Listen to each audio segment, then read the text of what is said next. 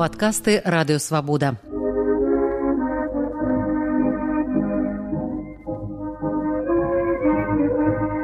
Сто гісторый пра БНР з Сергеем Шупам.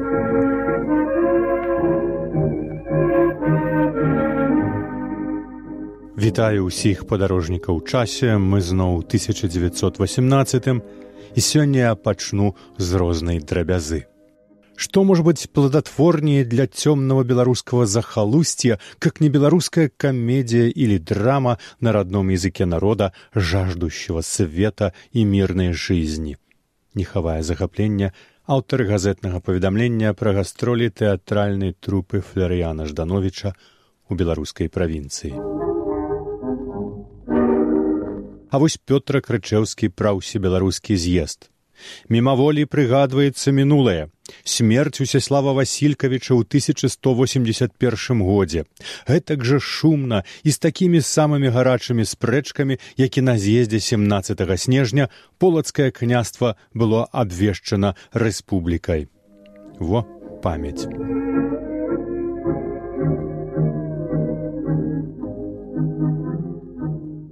Пра гастролі беларускага нацыянальнага тэатру правінцыі.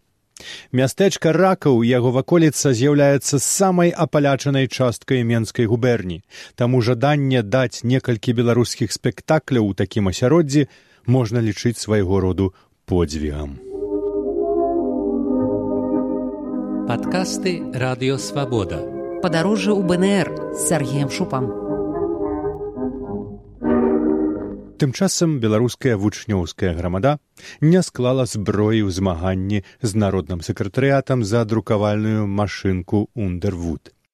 5 верасня вучні дасылаюць новае патрабаванне вярнуць належную ім маёмасць.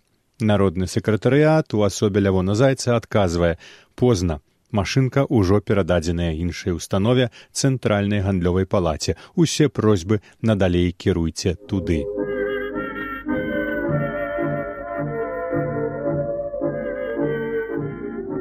Культурна-прасветнае таварыства бацькаўшчына, створанае яшчэ ў ліпені пад старшынствам эсэфа Язэпа варонкі, апекавалася рознага роду культурніцкай дзейнасцю. 9 верасня бацькаўшчына звярнулася да народнага сакратарыяту БНР з просьбай перадаць ёй у часовае карыстанне друкарню народнага сакратарыяту. Ліст ад беларускай культурна-прасветнай арганізацыі беларускаму ўраду за подпісам яшчэ аднаго эсэфа кастуся завітава напісаны па-расейску. два верасня ў кію прыбыла новая надзвычайная дэлегацыя бнр у справах замежных перамоваў на чале з вядучым беларускім палітыкам антонам луцкевічам это ўжо была сапраўды цяжкая дыпламатычная артылерыя На другі дзень беларускія дыпламаты нанеслі візыт бальшавіцкаму прадстаўніку хрысціяну ракоўскаму і ўручылі яму дэкларацыю пратэсту рады бнр з прычыны дадатковай расейска-нямецкай дамовы дамова была падпісаная 28 жніўня паводле яе немцы меліся адступіць да бярэзіны і аддаць бальшавікам беларускія землі на ўсход ад яе а таксама ніякім чынам не ўмешвацца ў дачыненні паміж расійскай дзяржавай і яе асобнымі абласцямі не выклікаць і не падтрымліваць утварэння самастойных дзяржаўных арганізмаў у гэтых абласцях. Апошняе непасрэдна тычылася бнр яе шанцаў на прызнанне з боку нямметчыны з ракоўскім правялі ў спрэчках тры з паловай гадзіны і гэтым візітам місія дэлегацыі не вычарпалася.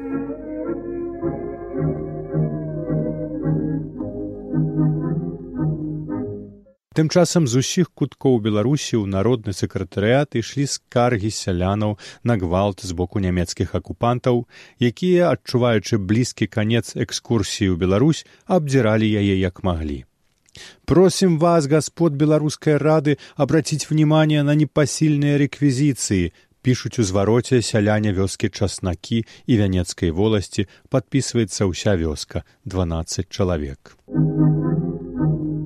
Усё пасыпалася з пачаткам лістапада. Шостага аўстравугорскі імператор Карл I адракаецца ад пасаду. Імперыя спыняе існаванне і распадаецца на новыя нацыянальныя дзяржавы Але яшчэ нейкі час народны сакратарыят будзе дасылаць сваім кіеўскім дыпламатам даверныя лісты на вядзенне перамоваў з прадстаўнікамі аўстравугоршчыны аб прызнанні незалежнасці бнр і ў іншых пытаннях.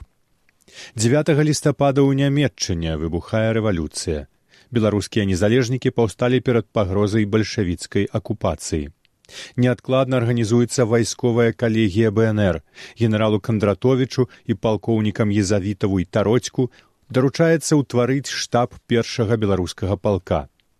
Тым часам язэп лёсік і иван луцкевич едучы з нямметчыны і швейцарыі ў менск і вільню заехалі ў берлін і перадалі нямецкаму сацыялістычнаму ўраду свой мемарандум з просьбай аб прызнанні незалежнасці Падкасты радыёвабода. Падарожжа ў БНР з Сергеем Шупам.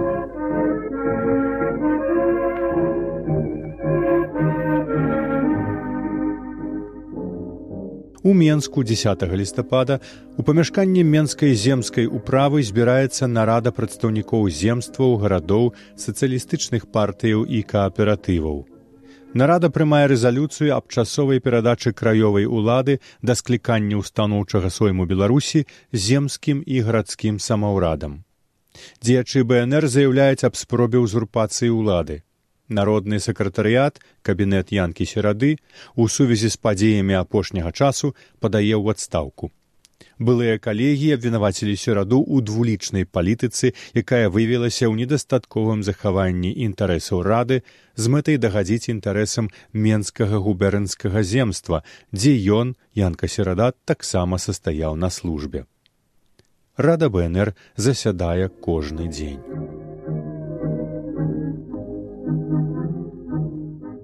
народны сакратарыят да апошняга моманту не страчваў надзеі вярнуць трыста тысячаў рублёў канфіскаваныя нямецкімі акупантамі падчас высялення беларускай улады з губернатарскага дому.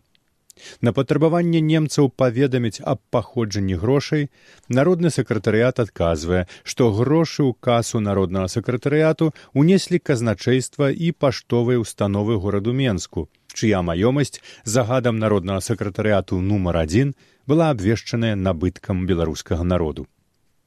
Нашто начальнік штабу дзясятай арміі адказаў: Ага, ну дык тады дзеля таго, што гэтыя грошы былі расійскай дзяржаўнай маёмасцю, іх канфіскацыя была абсалютна законная і больш вы іх не ўбачыце. А адкуль нагадаеце ўзяліся друкавальныя машынкі і канцылярскае абсталяванне? Пра грошы народны сакратарыят ужо і не згадваў а машынкі і астатнія пісалася ў адказе былі набытыя народным сакратарыятам за ўласныя сродкі і цяпер вельмі неадкладна патрэбныя але немцам ужо было не да машынак на тым перапіска ў гэтым пытанні спынілася. Працягу не будзе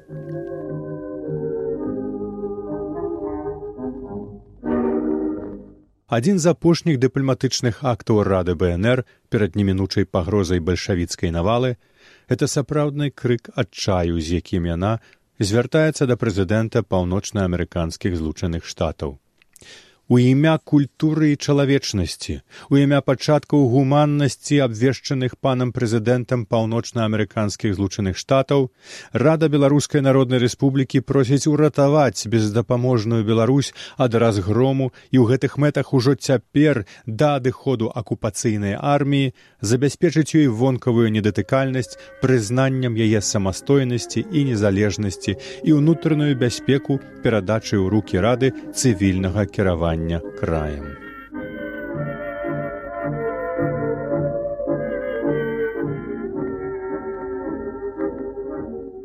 Вы слухалі падкаст радыёвабода. Наступны выпуск праз тыдзень. Усе падкасты свабоды ў інтэрнэце на адрасе свабода кропка орг. Штодня у любы час у любым месцы, калі зручна вам. Свабода кропка орг. Ваша свабода.